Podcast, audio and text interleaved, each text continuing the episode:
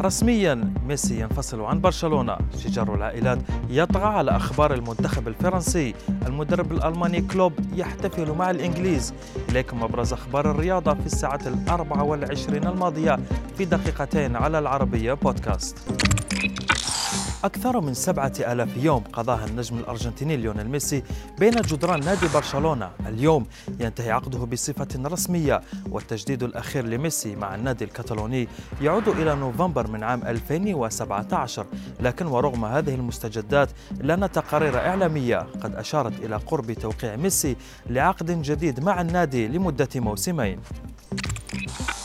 أثارت والدة لاعب المنتخب الفرنسي أدريان رابيو الكثير من الجدل بعد المباراة التي خسرتها فرنسا أمام سويسرا.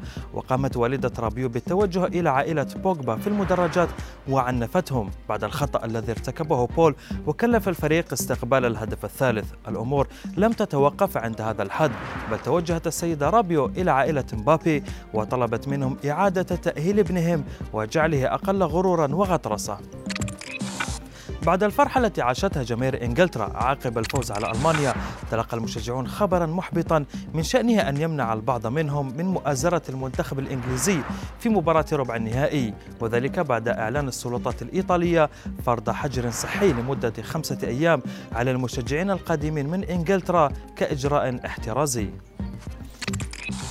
لكن قبل انطلاق المواجهة بين الألمان والإنجليز ظهر المدرب الألماني يورجن كلوب وهو يحتفل مع مشجعي إنجلترا في العاصمة لندن مرتديا ملابسه المعتادة بشعار نادي ليفربول.